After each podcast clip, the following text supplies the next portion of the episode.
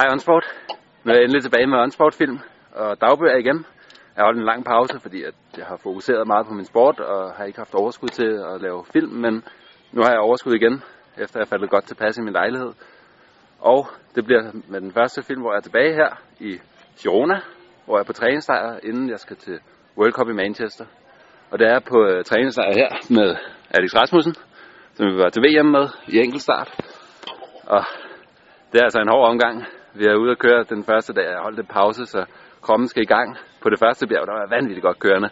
Og Alex han sad og, altså han var ved at blive stegt.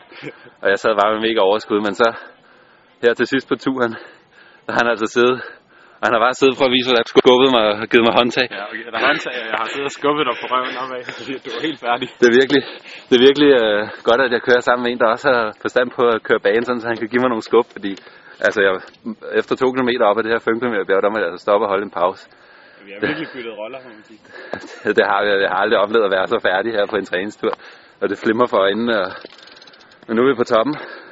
Det regner, og der er heldigvis ikke så langt hjem. Det går nedad det meste af vejen. 14 km nedad, 14 så jeg regner med, at det bliver sat. Ja, så bliver jeg nok sat igen, fordi jeg kan slet ikke. Jeg er helt færdig. Jeg håber, det bliver bedre nogle af de næste dage. Fordi ellers så bliver det her en hård træningslejr, inden vi kommer til World Cup i Manchester. Hvor vi så til gengæld også forhåbentlig kører stærkt.